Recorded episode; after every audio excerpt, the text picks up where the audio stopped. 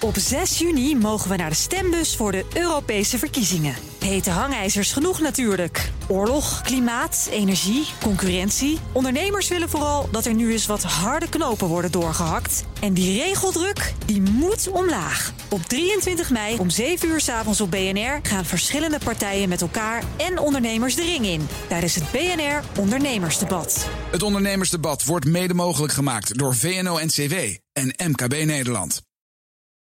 BNR Bouwmeesters wordt mede mogelijk gemaakt door Bouwend Nederland. De bouw maakt het. BNR Nieuwsradio. BNR Bouwmeesters. Meindert Schut. Het volgende gevoel ken je misschien wel. I want you to get up right now and go to the window, open it, and stick your head out and yell, I'm as mad as hell, and I'm not gonna take this anymore! This guy gets it. I'm talking about sick building syndrome. The Environmental Protection Agency says sick building syndrome is real. And they define it as, and I quote, a situation where a building's occupants experience discomforting health effects even though no specific cause can be found. And you know what else they say? That 30% of all office buildings in the United States could be sick. Een sick building syndrome. Ik kom in veel verschillende kantoren en ik herken dit in elk geval wel. Er is bijna altijd wel iets mis. Het is te koud, te warm, kan geen raam open. Lucht is er droog. In sommige kantoren prikken aan het einde van de dag je ogen. Gebouwen moeten eigenlijk gewoon gezonder worden. En dat is ook de missie van architect Ben van Berkel. Welkom. Hallo. Goed dat je er bent. Ehm, over die gebouwen. We hadden het hier over zieke gebouwen. Hoe ongezond zijn kantoorgebouwen eigenlijk? Ja, ik, ik durf niet voor alle kantoorgebouwen te spreken, maar het is wel zo dat, ehm, dat voor, voor ja, een merendeel van de kantoorgebouwen ehm, niet altijd de beste lucht hebben. Nee. Ehm, niet eh, altijd zorgen voor de juiste verlichting in de ruimtes. eh, niet, niet de juiste materiaal of eh, vooral tapijten zijn eh, behoorlijk. eh, Oh jee, hier ligt ook wat. ja, dus je, je, moet- je moet inderdaad kijken naar al die factoren die het gebouw ongezond maken. Maar bijvoorbeeld een van de belangrijkste factoren is toch wel de, de, de lucht die door, door de ruimtes Ja. heen beweegt. Ja, het heeft natuurlijk een bedoeling dat die lucht door die gebouwen, door die ruimtes heen gepompt wordt. Dat iedereen frisse lucht krijgt. Maar die is kennelijk dus helemaal niet zo fris. Nee, want de meeste eh, filters worden niet eh, schoongemaakt. Eh, Oh, Er ja. wordt wel eens eh, gegrapt af en toe onder de installatoren. Die, die zeggen wel eens van eh, in de tijd dat we rookten... dan, eh, dan was het dan wel eens zo dat, eh, eh, dat, dat, dat we toen wat meer de filters schoonmaakten dan Oh eh, ja. tegenwoordig. Ehm, ehm, maar, maar toch worden die filters niet eh, regelmatig schoongemaakt. Maar wat het allerbelangrijkste is dat die die eh, luchtbeweging Ja. eh, door de ruimtes heen rolt. Dus eh, van persoon naar persoon beweegt. En, en dat, is, dat kun je verhelpen met nieuwe technieken die bijvoorbeeld in de ziekenhuistechnieken worden gebruikt. Bijvoorbeeld in een operatiekamer kan je dat gewoon niet hebben. Bijvoorbeeld dat Nee. de bacterie van een, van een persoon naar persoon beweegt. En de lucht Ja, dus eigenlijk voor, voor de duidelijkheid: wij zijn nu lucht aan het inademen. die eigenlijk mogelijk van iemand op de derde verdieping afkomt. Dat, dat kan, maar ook bijvoorbeeld als, als de lucht niet, niet eh, dus inderdaad verticaal wordt afgezogen, Ja.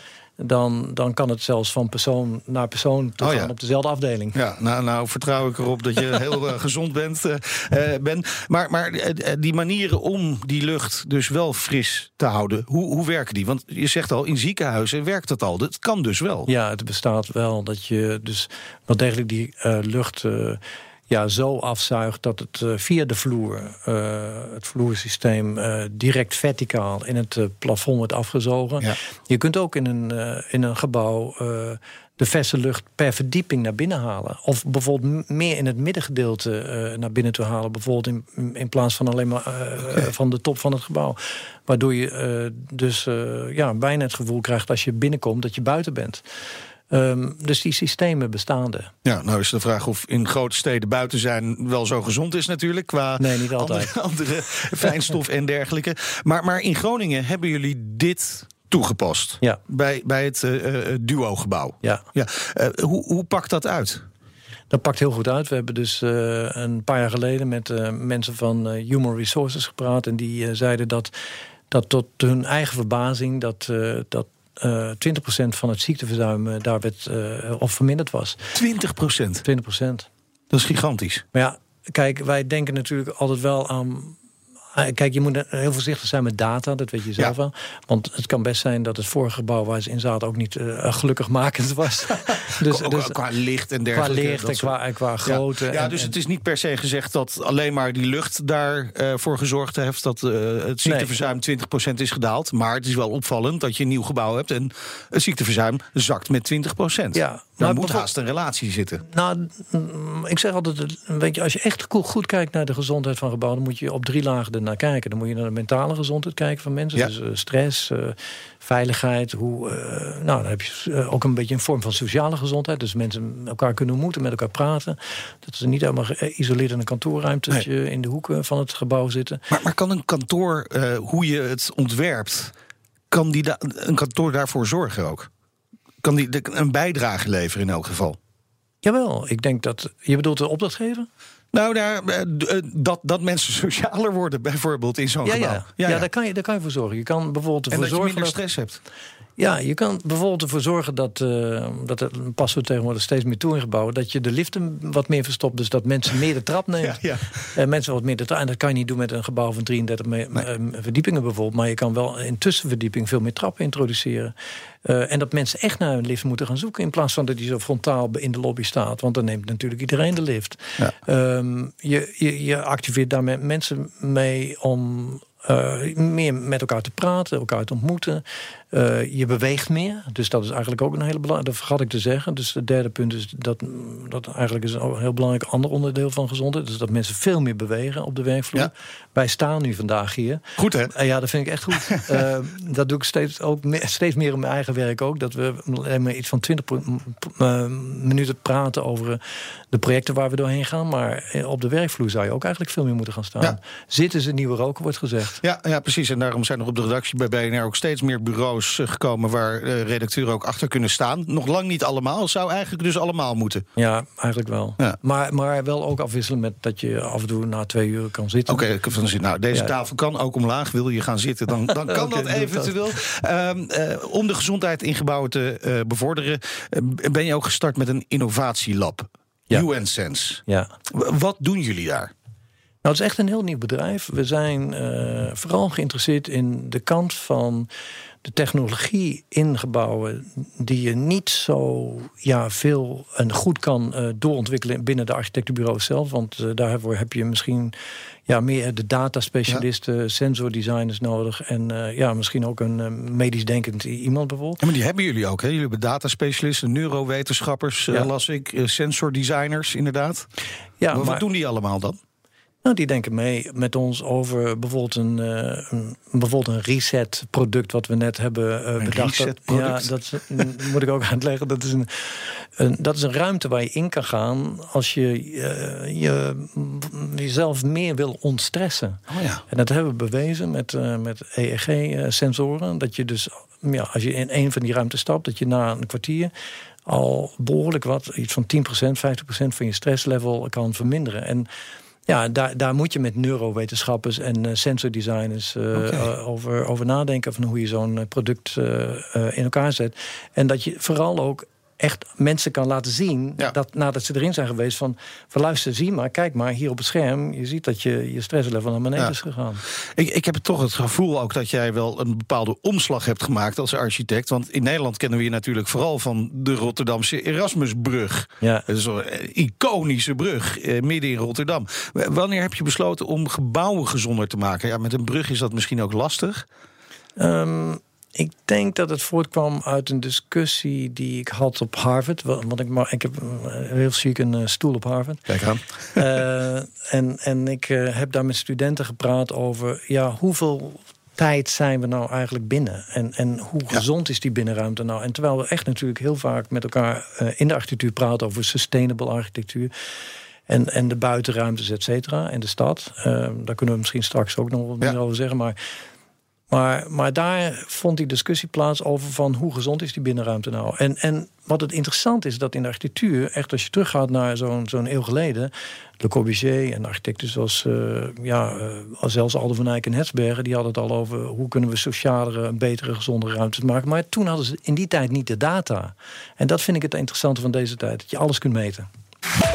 Ben van Berkel vindt dat gebouwen gezonder moeten worden. Wordt zijn pleidooi ook gehoord of is hij toch een beetje een roepende in de woestijn? Je hoort het zo meteen.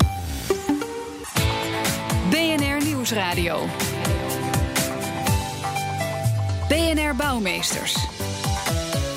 Architect Ben van Berkel wil dat gebouwen zich aan gaan passen aan de mens. Want uh, ja, de gebouwen waarin we nu werken zijn vaak helemaal niet zo prettig. En dat aanpassen, dat kan nu ook dankzij slimme technologie. Uh, ben, in welk gebouw is het wat jou betreft het beste gelukt? Dat het gebouw zich het beste heeft aangepast aan wat wij als mens nodig hebben? Oh, dat is een goede vraag. ik denk dat, uh, dat, dat eigenlijk zou ik je eerlijk kunnen zeggen dat ik dat gebouw nog niet ken. Oké, dat moet nog gemaakt worden. Ja, dat moet nog gemaakt worden. Want het is, het is gewoon zo dat natuurlijk wel degelijk gebouwen zich kunnen vertalen naar de beweging van mensen. En uh, hoe je, je, je, ja, misschien. Uh, ik heb het een beetje geprobeerd bijvoorbeeld met uh, het Arnhem Centraal, waar je dus zo weinig ja. mogelijk.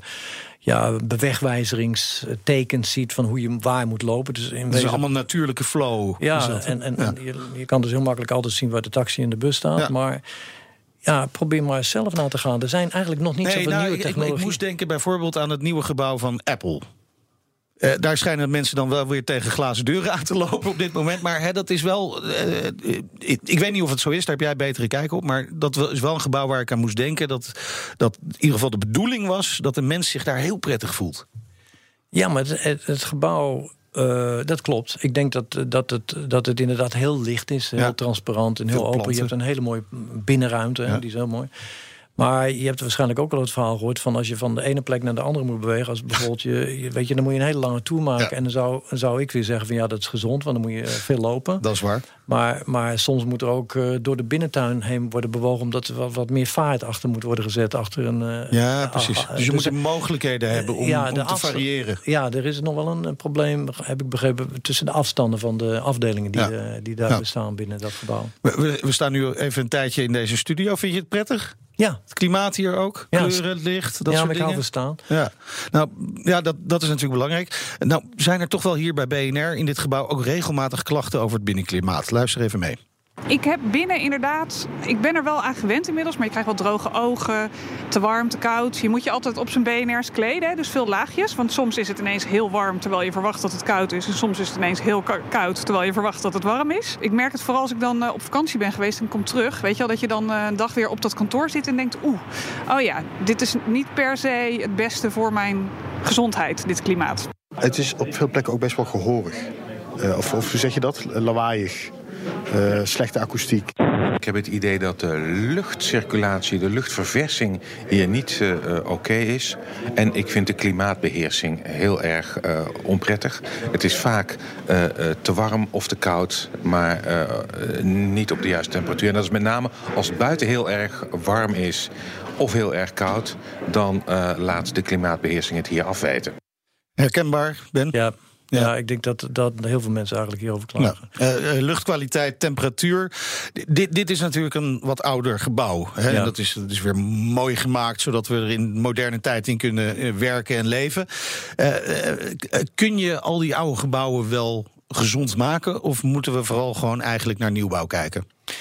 Nee, ik denk dat wel toch de technologie zover is dat je, dat je ja, zeg maar bestaande gebouwen kan transformeren naar gebouwen waar waar wel degelijk uh, met nieuwe installaties, uh, luchtverversing en ook sensoren, dus dat ja. er beter kan worden gemeten. Want dat gaat het om. Is, is het CO2-gehalte hoog genoeg of uh, weet je, de zuurstofkwaliteit goed?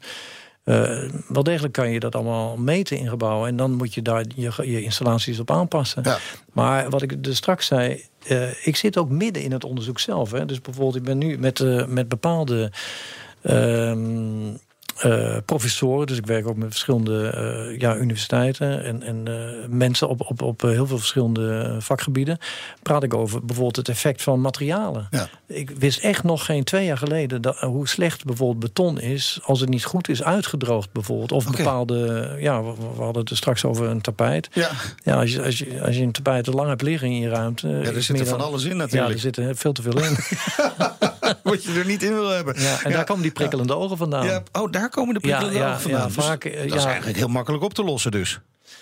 Ik, het, vaak vaak is, heeft dat te maken met toch een soort van allergie die Ja, ja. voortkomt uit bepaalde stoffen die, eh, die te maken en, met de en wat voor materialen. vloer zou dan... Is houten vloer bijvoorbeeld? Hout is veel, Ja? veel beter. Ja, maar dat is weer geluidstechnisch eh, ingewikkeld. Dat is Dus lastig je- in een studio in elk en dan geval, Moet je, ja, en dan ja. moet je, moet je dan weer wat aan je wanden en je plafond Ja, doen. ja, ja. Maar je kan heel... Bijvoorbeeld tegenwoordig is er ook... eh, Heel veel te, eh, te ontwikkelen nog op het gebied van eh, tegengeluid. Net zo goed dat met onze koptelefoons we Ja. dat tegenwoordig kunnen doen. Een soort, eh, hoe noem je dat ook weer? Anti-noise. Ja, anti, anti, ja, noise cancelling. noise cancelling Ja. technieken. Kan je, Ja, je ook in zelfs tegen snurken, begrijp ik nu. Dat de partner oordopjes in kan doen die het snurken wegfilteren. Ja, volgens mij moet je het bij de bron aanpakken, maar goed, oké. Ja, we kunnen het ook over het huis hebben. Ja, wat- en de slaapkamer. precies. Die, die, die, die, die praatgroep, is, is dat de taskforce bouw waar je het over had net? Nou, onder andere. Maar Ja. dat, is, dat is weer een, eh, dat is een groep die eigenlijk gelukkig vanuit de overheid eh, is eh, opgezet. Ja.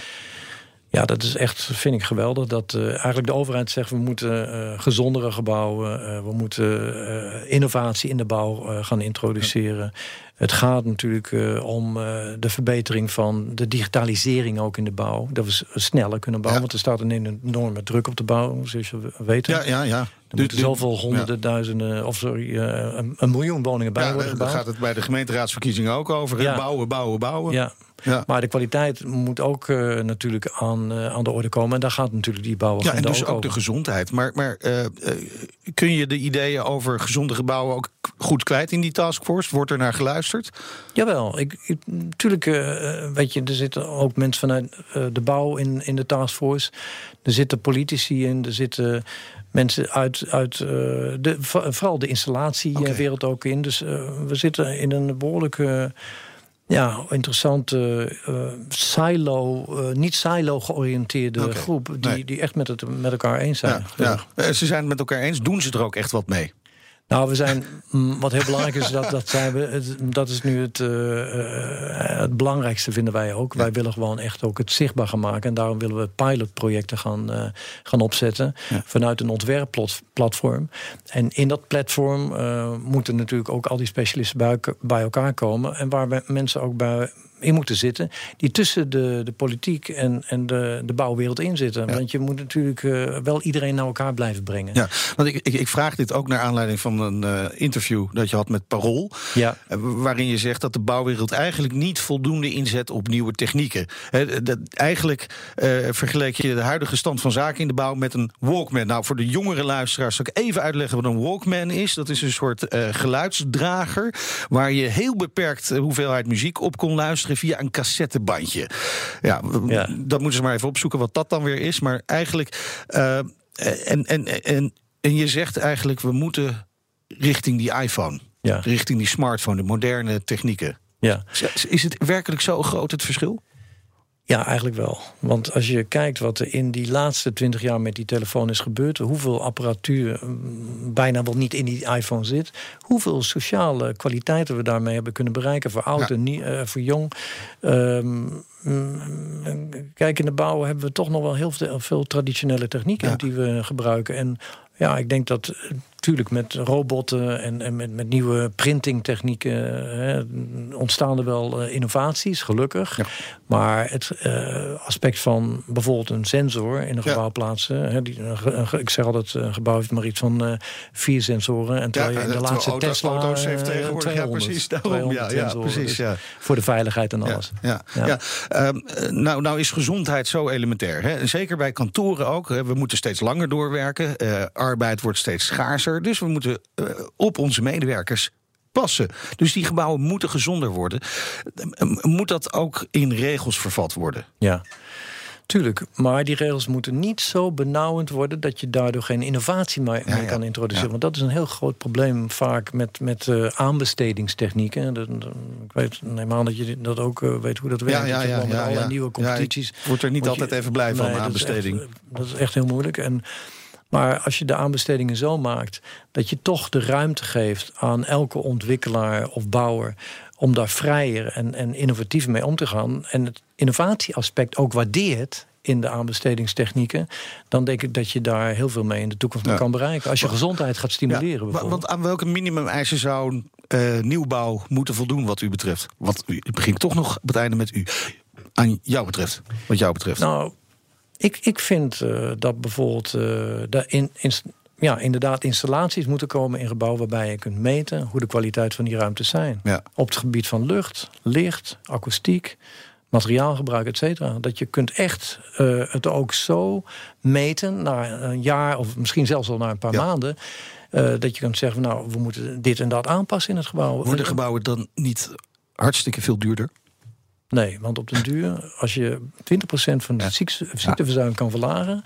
en daarmee de waarde van het gebouw uh, groter wordt... dan uh, denk ik dat elke, uh, elk bedrijf daar blij mee is. Wie biedt meer? Aan het einde van Bouwmeesters komen we altijd bij de rubriek Wie biedt meer? En dan gaan we op zoek naar extremen in de bouw. Mijn collega Daan komt eh, met een stelling. En wij, Ben en ik, moeten zeggen of het waar is of onwaar. Uh, Daan, nou zeg het maar. Ja, ik wilde daar iets van afwijken. Het wordt uh, langer of korter. Uh, Chinees bedrijf Winzoom, uh, als ik het goed uitspreek, uh, printte onlangs een appartementencomplex en een villa. Met een uh, 3D-printer dan natuurlijk. Die printer is 6,6 meter hoog en 10 meter breed. Maar de vraag is nu, wetende dat dit de grootste 3D-printer is ooit gebouwd, uh, was die printer langer of korter dan 40 meter? Zeg maar. ja, ik denk korter. korter. Nou, uh, voor de vorm ga ik dan voor langer. Uh, ja, Daan, jij weet het antwoord. Ja, ik uh, weet het antwoord. Uh, langer. Ja, het is. Hij is langer. Wie heeft de langste? Ja. Het is eigenlijk gewoon 40 meter. Ja, sorry. Oh, het was een beetje een strikvraag, man.